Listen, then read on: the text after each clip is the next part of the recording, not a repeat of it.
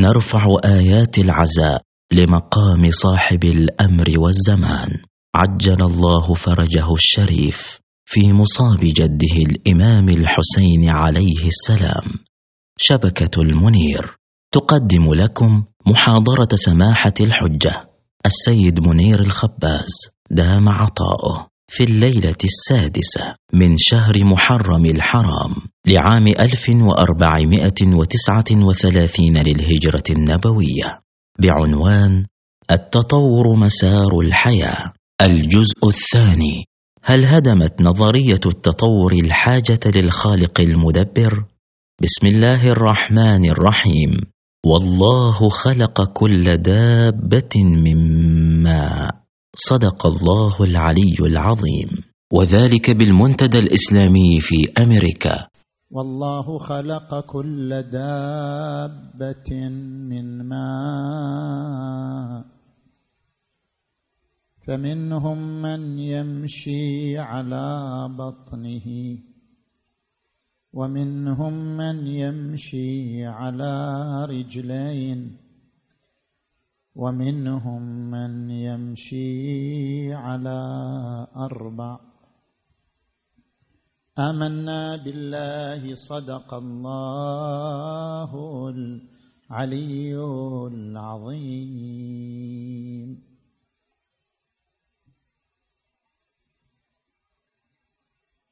انطلاقا من الآية المباركة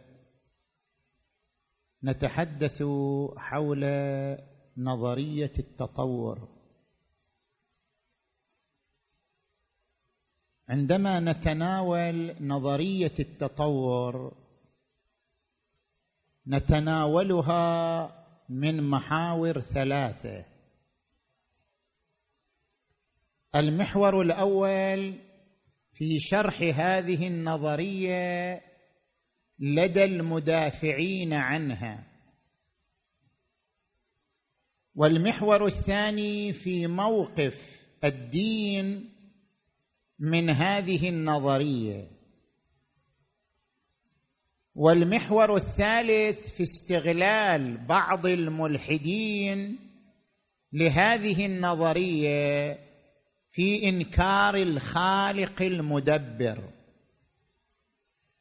نجي الآن إلى المحور الأول. ما هو المقصود بنظرية التطور التي بدأت من قبل داروين وليس من داروين؟ بدأت من قبل علماء قالوا بها قبل داروين. ما هو المقصود بهذه النظرية؟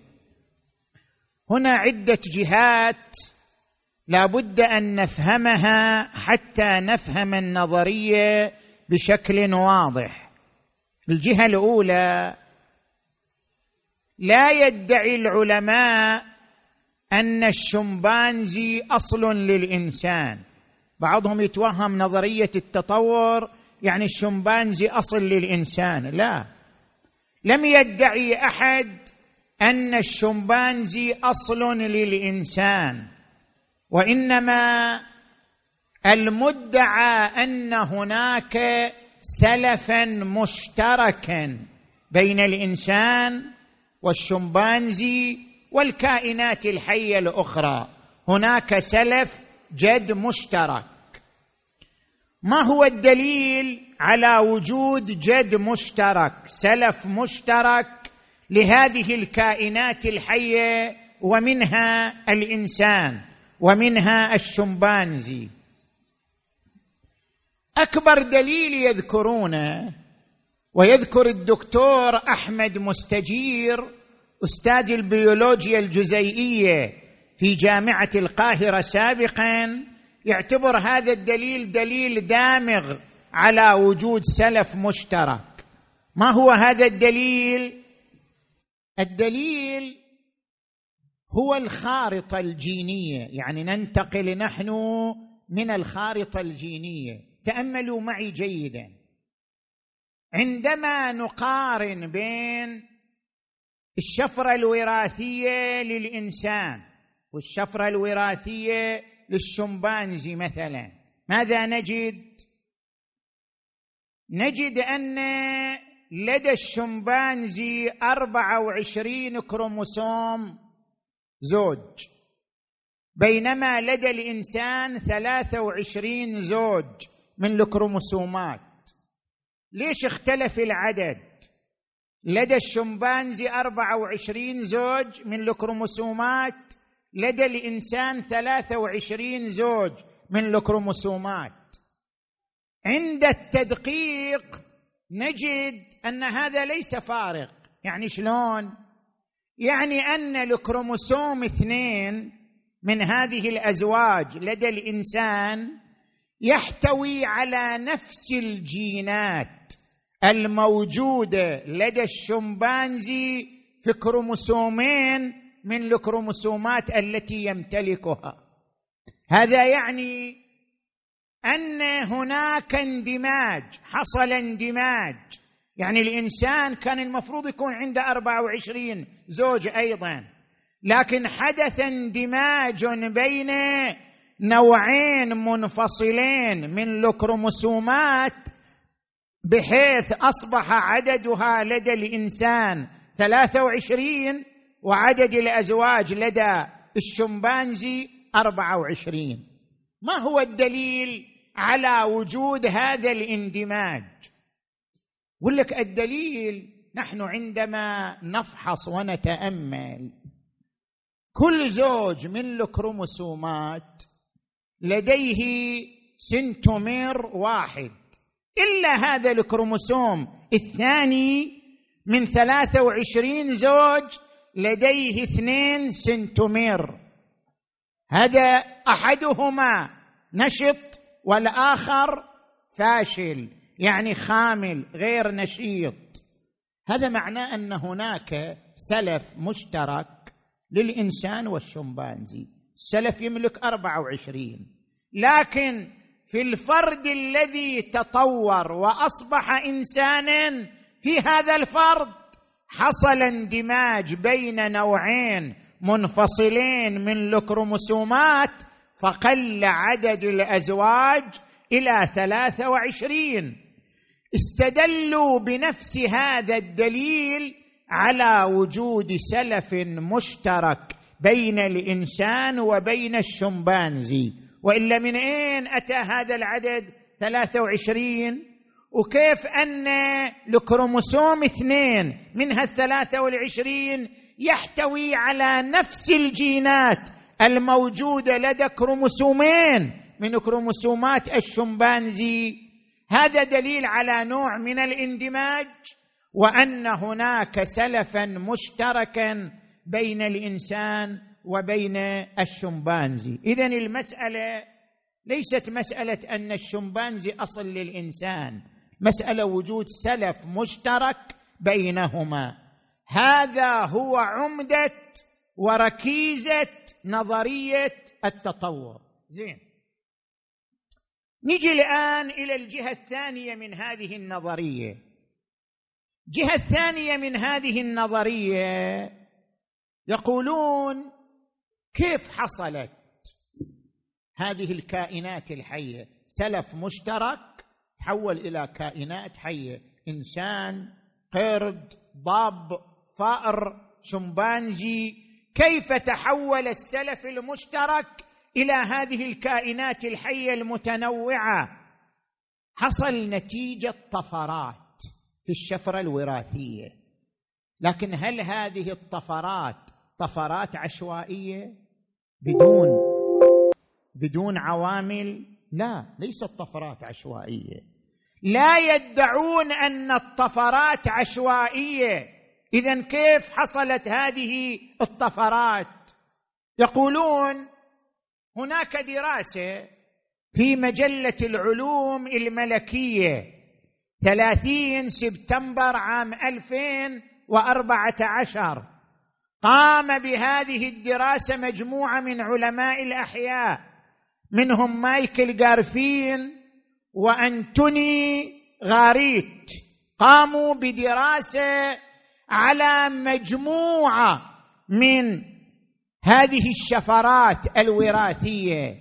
نتيجة هذه الدراسة أظهرت أن الطفرات التي تحدث للشفرات الوراثية ليست عشوائية وإنما هي نتاجة خصائص فيزيائية موجودة في هذه الشفرات. يعني إذا بنرجع للأصل السلف المشترك من خلال هذه الشفرات الوراثية تطور إلى أن أصبح حيوانات وكائنات متعددة وكان منها الإنسان هل هذا عشوائي؟ لا.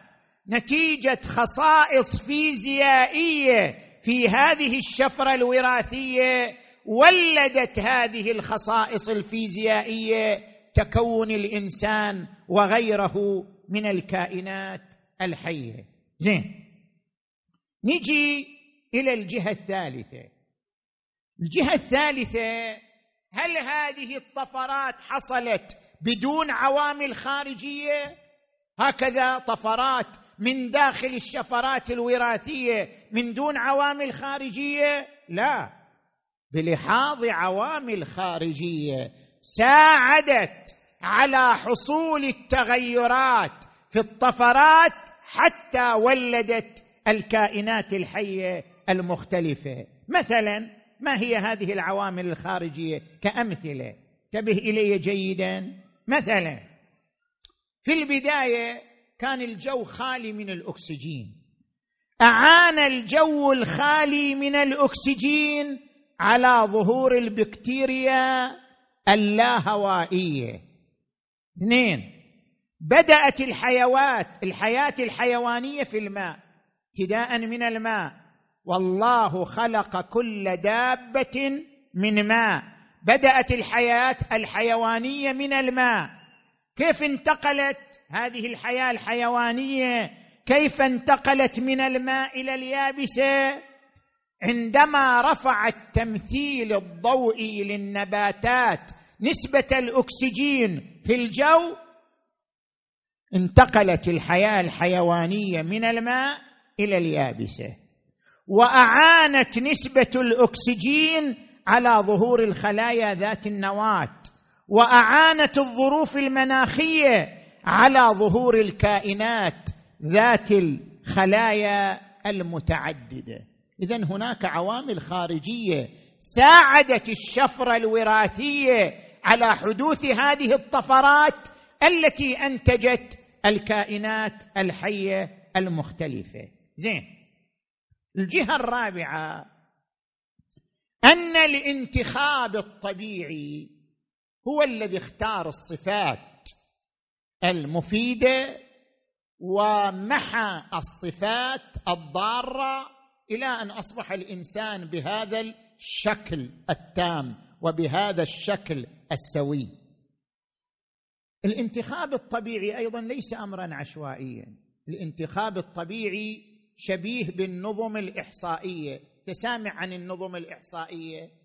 النظام الإحصائي هو الذي يمنحك القدرة على أن تتنبأ بمخرجات جديدة إذا أحط بمعطيات جديدة. إذا أنت تحصل على معطيات جديدة تتنبأ بمخرجات جديدة. هذا يسمى نظام إحصائي.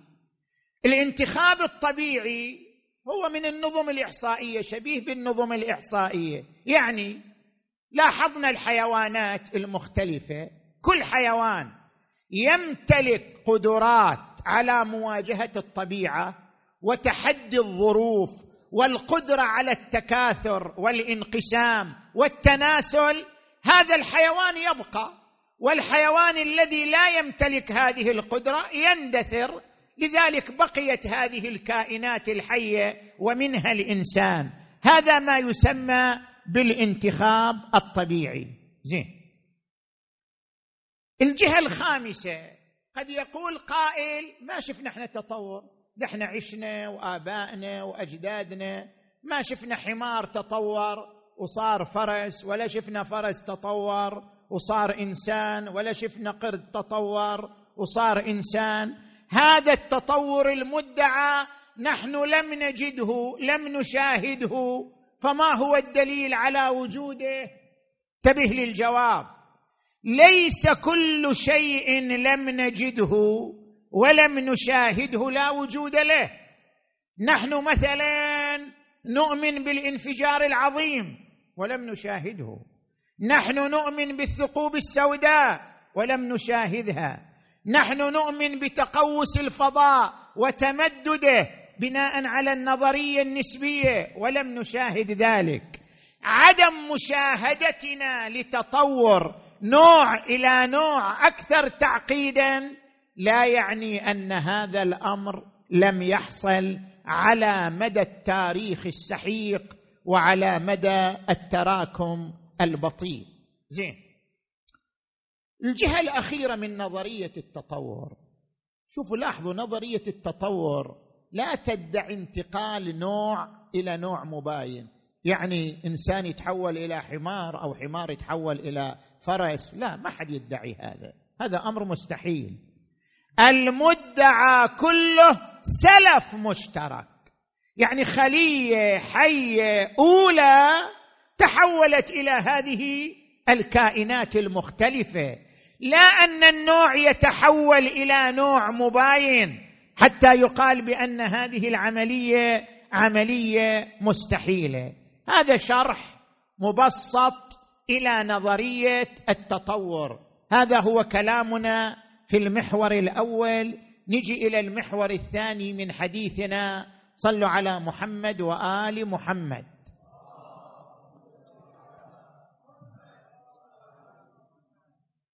سؤال كل واحد يسأل هذا السؤال. ما هو موقف الدين من هذه النظرية؟ هذه النظرية التي تقول يوجد سلف مشترك للإنسان والشمبانزي جد واحد للإنسان والشمبانزي. هل يقرها الدين؟ هل يقرها التراث الديني أم لا؟ ما هو موقف الدين من هذه النظرية؟ من أين نتعرف على رأي الدين؟ من أين نتعرف على موقف الدين؟ إنما نتعرف عليه من خلال النصوص الواردة في الكتاب وفي السنة الشريفة. خلنا نرجع للنصوص لنرى موقف الدين من هذه النظرية.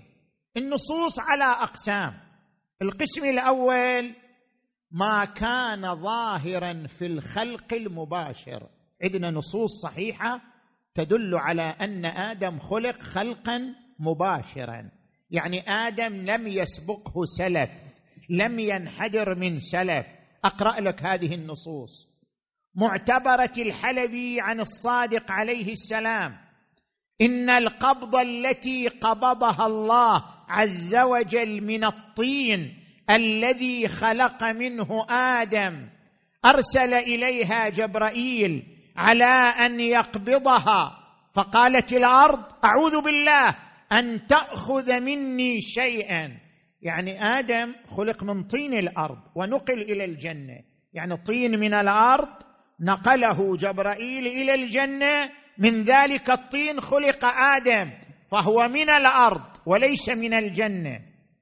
قالت أعوذ بالله أن تأخذ مني شيئا. ثم أوحى الله إلى جبرائيل أن يأخذ تلك القبضة من الطين أخذ القبضه جاء بها إلى الجنة من تلك القبضه تكون آدم عليه السلام. عندنا أيضا رواية معتبرة تدل على ذلك معتبرة هشام بن سالم عن أبي عبد الله الصادق عليه السلام كانت الملائكة تمر على آدم. تمر عليه قبل أن يصير إنسان يعني شكل كان شكل طين مشكل بهيئة إنسان. كانت الملائكة تمر بآدم أي بصورته وهو ملقى في الجنة من طين فتقول لأمر ما خلقت. اذا آدم جاء بخلق مباشر بطين من الأرض. هذه الروايات هكذا تقول. زين نجي إلى قسم ثاني من النصوص. القسم الثاني من النصوص يقول لا يوجد سلف مشترك. سلف بشري مشترك ما في. آدم جاء بلا أب ولا أم بلا سلف مشترك. لاحظوا الآية المباركة. إن مثل عيسى عند الله كمثل آدم خلقه من تراب ثم قال له كن فيكون. كما أن آدم كما أن عيسى ليس له أب آدم ليس له أب. لذلك القرآن نظر عيسى بآدم. عيسى كآدم يعني آدم ليس له أب كما أن عيسى ليس له أب. اذا آدم ليس له سلف مشترك بحسب هذه الآية المباركة. وهذا ما تؤكده الرواية. رواية أبي بصير عن أبي عبد الله الصادق عليه السلام. سألته يعني أبو بصير يسأل الإمام الصادق لأي علة خلق الله عز وجل آدم من غير أب ولا أم؟ فالإمام يقر هذا المعلومة أن آدم جاء بلا سلف. قال ليعلم الناس تمام قدرة الله وكمالها. زين. فإذا إحنا ماذا نصنع من هذه النصوص؟ نظرية التطور تقول هناك سلف مشترك انحدر منه الإنسان والشمبانجي. هذه النصوص تقول لا يوجد سلف مشترك ابدا. آدم جاء بقبضه من طين الأرض من دون سلف مشترك من دون أب ولا أم. اذا هناك تنافي واضح بين النظرية وبين ما يستفاد من هذه النصوص. لذلك إحنا الآن حياديين لا مع النظرية لا ضدها. نقول من يؤمن بهذه النظرية ويرى أنها واضحة وبديهية لا بد أن يقوم بتأويل هذه النصوص. وإلا فهذه النصوص واضحة على أنه لا يوجد سلف مشترك بين آدم وبين غيره من الكائنات الحية. زين. القسم الثالث من النصوص ما يوحي بأن آدم ما خلق دفعة واحدة خلق على مراحل. القران الكريم عندما يقول إني خالق بشرا من طين فإذا سويته. يعني مر بمرحلتين مرحلة الخلق ومرحلة التسوية وبين المرحلتين مهلة. ولذلك ورد عن النبي محمد.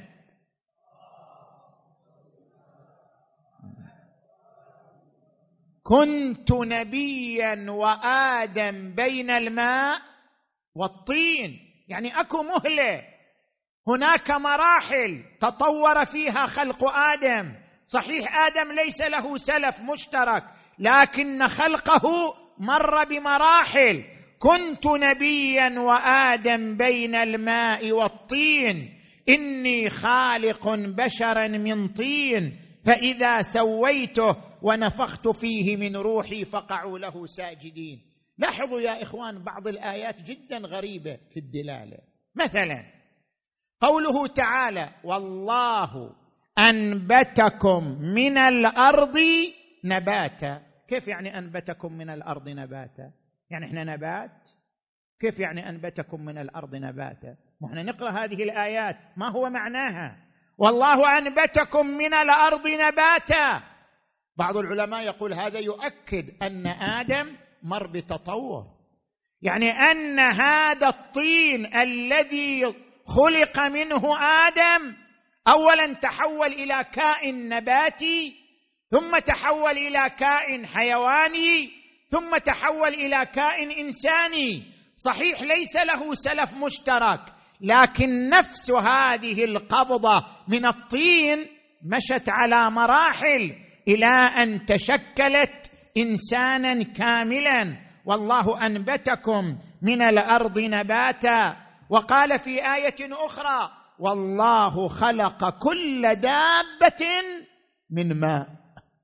فمنهم من يمشي على بطنه ومنهم من يمشي على رجلين ومنهم من يمشي على أربع. والله يخلق ما يشاء. إن الله على كل شيء قدير.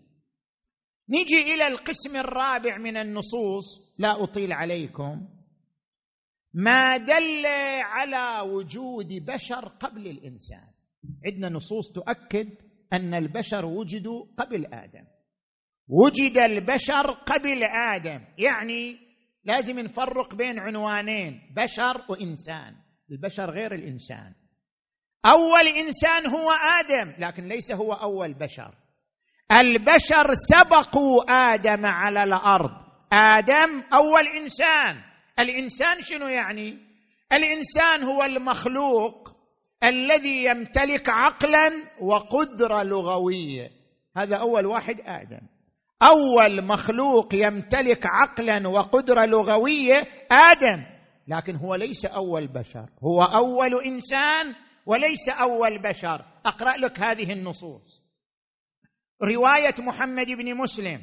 سمعت أبا جعفر عليه السلام يقول لقد خلق الله عز وجل في الأرض منذ خلقها سبعة عالمين. سبعة عالمين ليسوا هم من ولد آدم. خلقهم من أديم الأرض. وفي رواية أمير المؤمنين علي عليه السلام إن الله تبارك وتعالى أراد أن يخلق خلقا بيده. هذه القبضة اللي قبض منها آدم. وذلك بعدما مضى من الجن والنسناس. اكو قسم على الأرض يعيش اسم النسناس. بعدما مضى من الجن والنسناس في الأرض سبعة آلاف سنة. وورد عنه عليه السلام إن قبل آدمكم هذا ألف آدم. وهذا ما تشير إليه الآية المباركة وهي قوله تعالى وإذ قال ربك للملائكة إني جاعل في الأرض خليفة. قالوا أتجعل فيها من يفسد فيها ويسفك الدماء ونحن نسبح بحمدك ونقدس لك.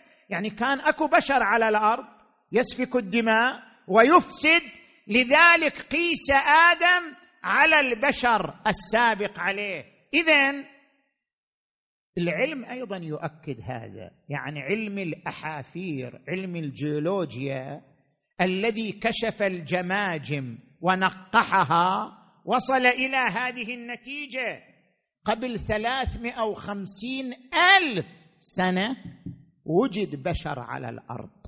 اسمه الصناع. صناع يعني شنو؟ يعني له قدرة عقلية على الصنع. رأوا مصنوعات اليه تدل على وجوده وأن له قدرة عقلية على الصنع. ولكن لم يكن قادر على الكلام. كان أكو بشر قبل ثلاثمائة وخمسين ألف سنة على الأرض قادر على صنع الأشياء غير قادر على الكلام غير قادر على اللغة. أول متكلم أول قادر على الكلام هو أبونا آدم عليه السلام. هذا النوع من البشر قبل ثلاثمائة وخمسين ألف سنة انقرض قبل أربعة وعشرين ألف سنة. زين. إحنا الآن بنقترح حل حل بين نظرية التطور وبين النصوص. نظرية التطور تقول يوجد سلف مشترك بين الإنسان وبين الشمبانزي في جد مشترك. النصوص تقول لا يوجد سلف مشترك آدم هو أول إنسان قبل ما يوجد سلف يوجد بشر آخرين أما أول إنسان هو آدم. كيف نوفق بين النصوص؟ وبين نظرية التطور. محتمل هذا نضعه كاقتراح كاحتمال. محتمل أن أبناء آدم تزوجوا من البشر الآخر الذين كانوا على الأرض. والبشر الآخر الذين كانوا على الأرض قبل آدم خضعوا للتطور. يعني البشر الذين كانوا يعيشون على الأرض قبل ثلاثمائة وخمسين ألف سنة هؤلاء البشر بينهم وبين الشمبانزي سلف مشترك جد مشترك. آدم لا يشترك معهم في الجد. آدم خلق من دون سلف مشترك لكن أولاد آدم تزوجوا من بنات البشر الذين كانوا يعيشون على الأرض. والذين كان بينهم وبين الشمبانزي سلف مشترك. نتيجة ذلك أن في ذرية آدم وفي أبناء آدم وجدت الدلائل العلمية على وجود سلف مشترك بينهم وبين الكائنات الحية الأخرى مع أن آدم عليه السلام لم يأتي من سلف مشترك قبله. هذا تمام الكلام في النظرية وفي موقف الدين. منها نجي إلى المحور الأخير من هذه من حديثنا حول هذه النظرية. صلوا على محمد وآل محمد.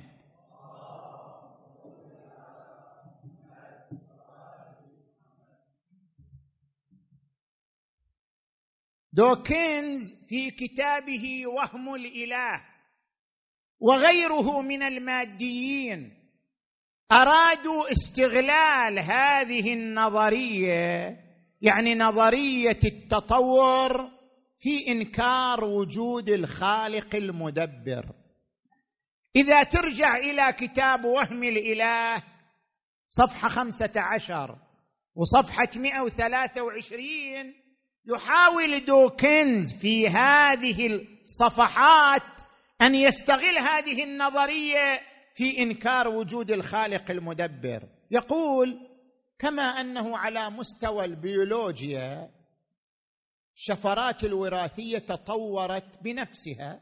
نتيجة لما تملك من خصائص فيزيائية تطورت بنفسها ما احتاجت إلى خالق اذا يمكن كل الوجود خضع إلى مسيرة تطورية تراكمية إلى أن أصبح بهذا الكون البديع الجذاب من دون وجود تصميم ولا خالق مدبر.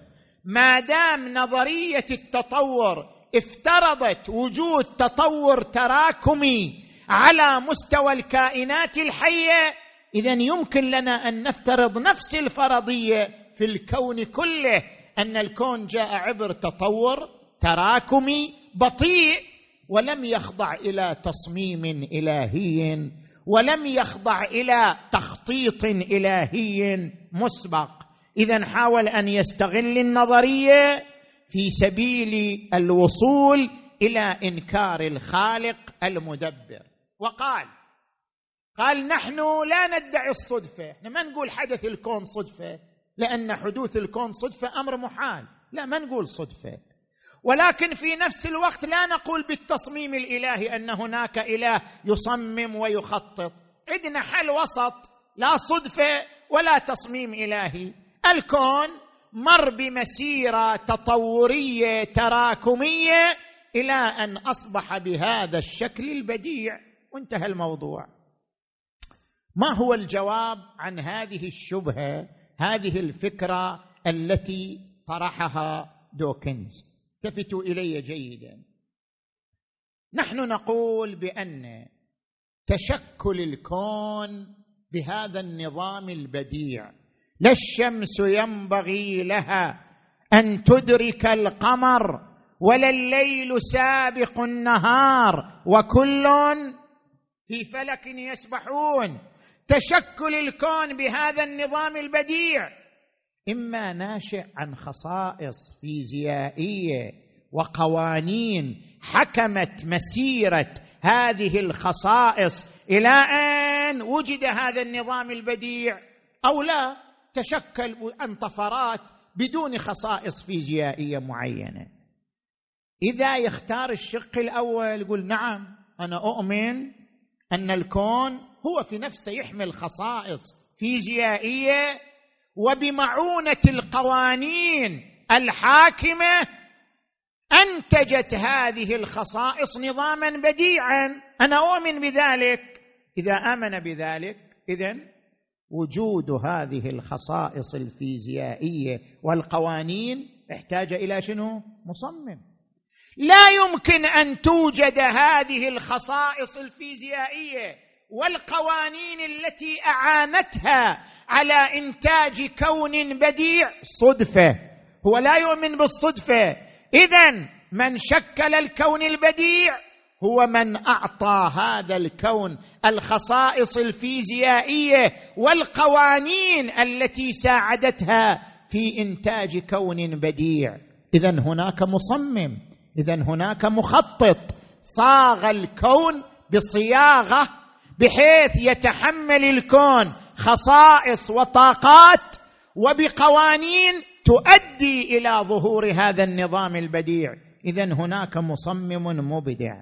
وأما إذا قال لا أصلا ما يوجد خصائص فيزيائية ولا قوانين. طفرات عشوائية أنتجت هذا الكون بهذا النظام البديع.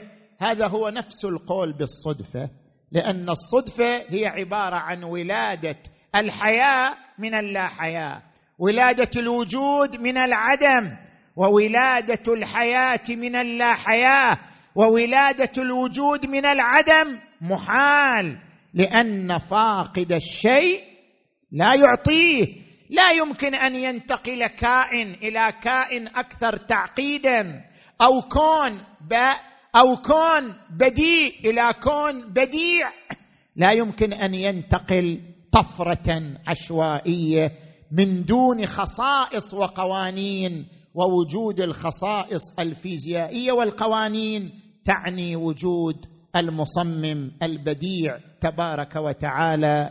سنريهم آياتنا في الآفاق وفي أنفسهم حتى يتبين لهم أنه الحق. أولم يكف بربك أنه على كل شيء شهيد. نرجع إلى المربع الأول إلى النقطة الأولى لنختم بها. لو آمنا بنظرية التطور وقلنا بها بتمام فصولها هل يمكن لنظرية التطور أن تخلق الحياة؟ ممكن لنظرية التطور أن تصنع جسما أن تصنع مظهرا ماديا أن تصنع تشكيلة مادية. لكن هل يمكن للتطور؟ هل يمكن للطفرات الوراثية أن تصنع لنا إنسانا يمتلك قدرات عقلية يمتلك قيم فنية يمتلك أخلاق إنسانية؟ هل يمكن أن يصدر العقل من طفرات جينية؟ هل يمكن أن يصدر الفن من طفرات جينية؟ هل يمكن أن تصدر القيم الإنسانية من طفرات جينية؟ الطفرات الجينية يمكن أن تصنع شكلا وجمالا لكنها لا يمكن أن تصنع عقلا ووعيا وفنا وخيالا ووعيا وادراكا وشعورا وقيما إنسانية عظيمة. القيم الإنسانية لا يمكن أن تأتي لطفرات جينية. قيمة التواضع قيمة الإرادة الحرة قيمة الإيثار قيمة التضحية قيمة الفداء. هذه القيم الإنسانية المثلى لا يمكن أن تحصل نتيجة طفرات جينية. هذه القيم المثلى عند الإنسان. قدرة الإنسان على الصبر قدرة الإنسان على الإرادة الحرة قدرة الإنسان على الإيثار قدرة الإنسان على التضحية قدرة الإنسان على الفداء. هذه القدرات تكشف عن أن هناك مصمما بديعا صنع الإنسان بهذه القيم المثلى. صنع الإنسان بهذه القيم البطولية العظيمة.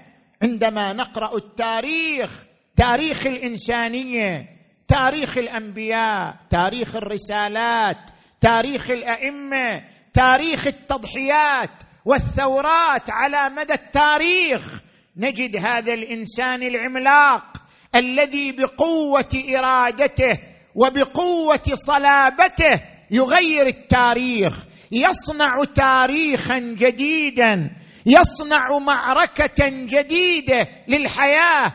هل يمكن أن تولد هذه الإرادة العملاقة التي تصنع التاريخ أن تولد من طفرات جينية؟ هذا أمر غير محتمل. محمد صلى الله عليه وآله.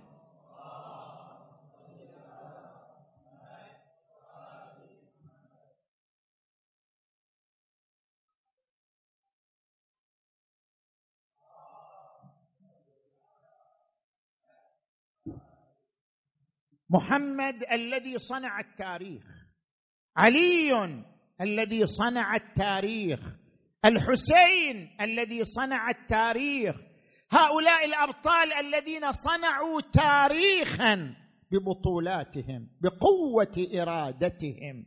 كل ذلك يكشف عن أنهم مظاهر لمبدع حكيم مظاهر لمصمم حكيم. مظاهر لخالق حكيم أبدع فيهم قدرته أبدع فيهم حكمته أبدع فيهم مشيئته فكانوا مثالا له متحركا على الأرض.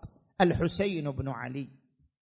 وأنصاره العظام الذين ضربوا المثل الأعلى والأروع في صلابة الموقف في قوة الإرادة في قوة التحدي هم مظهر لله تبارك وتعالى في حكمته وجمال صفاته وجلالها تبارك وتعالى. ومن هؤلاء الأنصار الذين صنعوا التاريخ حبيب بن مظاهر الأسدي شيخ الأنصار وسيدهم. الشيعة المؤمنون يحتفلون بشهادة حبيب بن مظاهر الاسدي في هذه الأيام أيام الحسين عليه السلام لأن حبيب بن مظاهر كان شيخا للأنصار. كان من أنصار وأصحاب الإمام أمير المؤمنين علي عليه السلام ثم صار من أنصار الحسين. لقد دخل معارك الإمام علي صفين النهروان الجمل ولم يقتل. مع أن الإمام علي بشره بالشهادة. قال له يا حبيب أنت تموت شهيدا. خلصت معارك الإمام علي. قال سيدي يا أمير المؤمنين وعدتني بالشهادة وقد شهدت المعارك كلها ولم أحصل على شرف الشهادة. قال يا حبيب لا تعجل سترزق الشهادة بين يدي رجل الشهادة بين يديه أفضل من الشهادة بين يديه. قال الله أكبر من هذا الرجل الذي تكون الشهادة بين يديه أفضل من الشهادة بين يديك يا أبا الحسن. قال إنه ولدي أبو عبد الله الحسين. الشهادة بين يديه أفضل وسترزق الشهادة بين يدي ولدي الغريب أبي عبد الله الحسين والحبيب بن مظاهر ينتظر ذلك اليوم. يوم الشهادة ينتظر ذلك الشرف وذلك الوسام. وسام الشهادة في ليلة من الليالي زوجة حبيب أم القاسم زوجته رأت في منامها رؤيا وهي تقصها على حبيب بن مظاهر قالت يا حبيب رأيت في النوم سيدتي فاطمة الزهراء وقد عصبت بعصابه سوداء أقبلت إليها سلمت عليها قالت أنت من؟ قلت أنا أم القاسم زوجة خادمكم حبيب بن مظاهر. قالت أبلغي حبيب منا السلام وقولي له تسلم عليك فاطمة الزهراء وتقول لك أما آن أن تخضب شيبتك؟ هذه الرسالة أنقلها من فاطمة الزهراء إليك يا حبيب بن مظاهر. قال لها يا أم القاسم إن صدقت رؤياك فقد قربت الشهادة بين يدي أبي عبد الله الحسين. سأخضب شيبتي من دم رأسي. سمعا وطاعة يا فاطمة الزهراء. سمعا وطاعة يا أم الحسنين. ما هي إلا أيام وإذا بطارق يطرق الباب. من الطارق؟ قال أنا رسول من الحسين بن علي. خرج حبيب بن مظاهر وإذا هناك كتاب من الحسين بن علي إلى حبيب.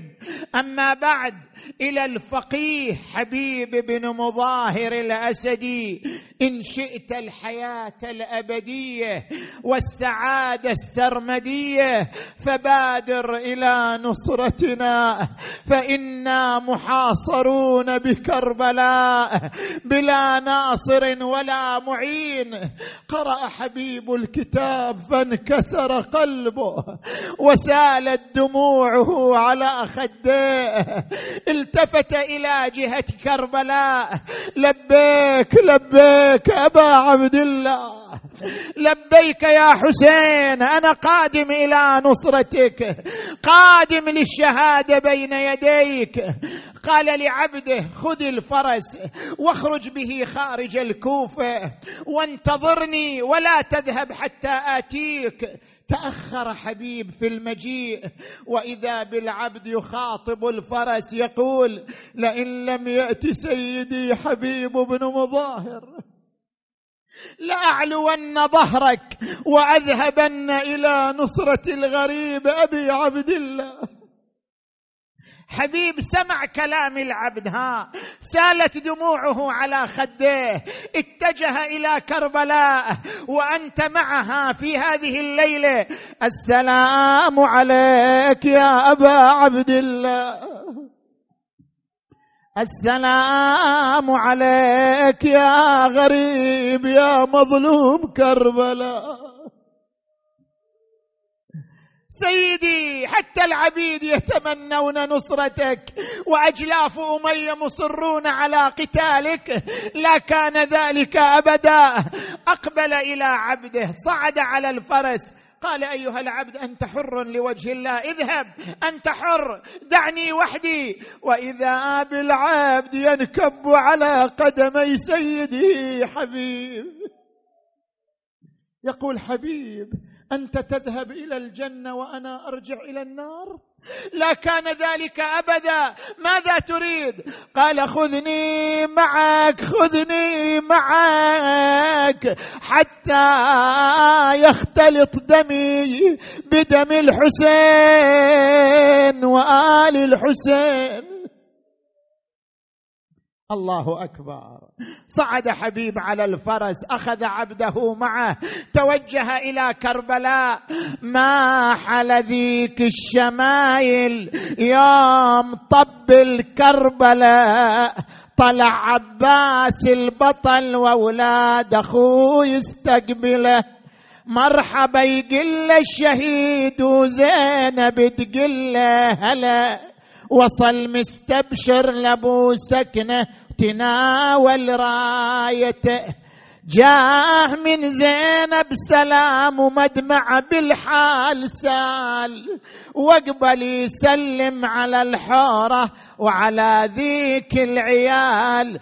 قال يا وسفة يا زينب تركبين على الجمال. أقبل حبيب إلى كربلاء.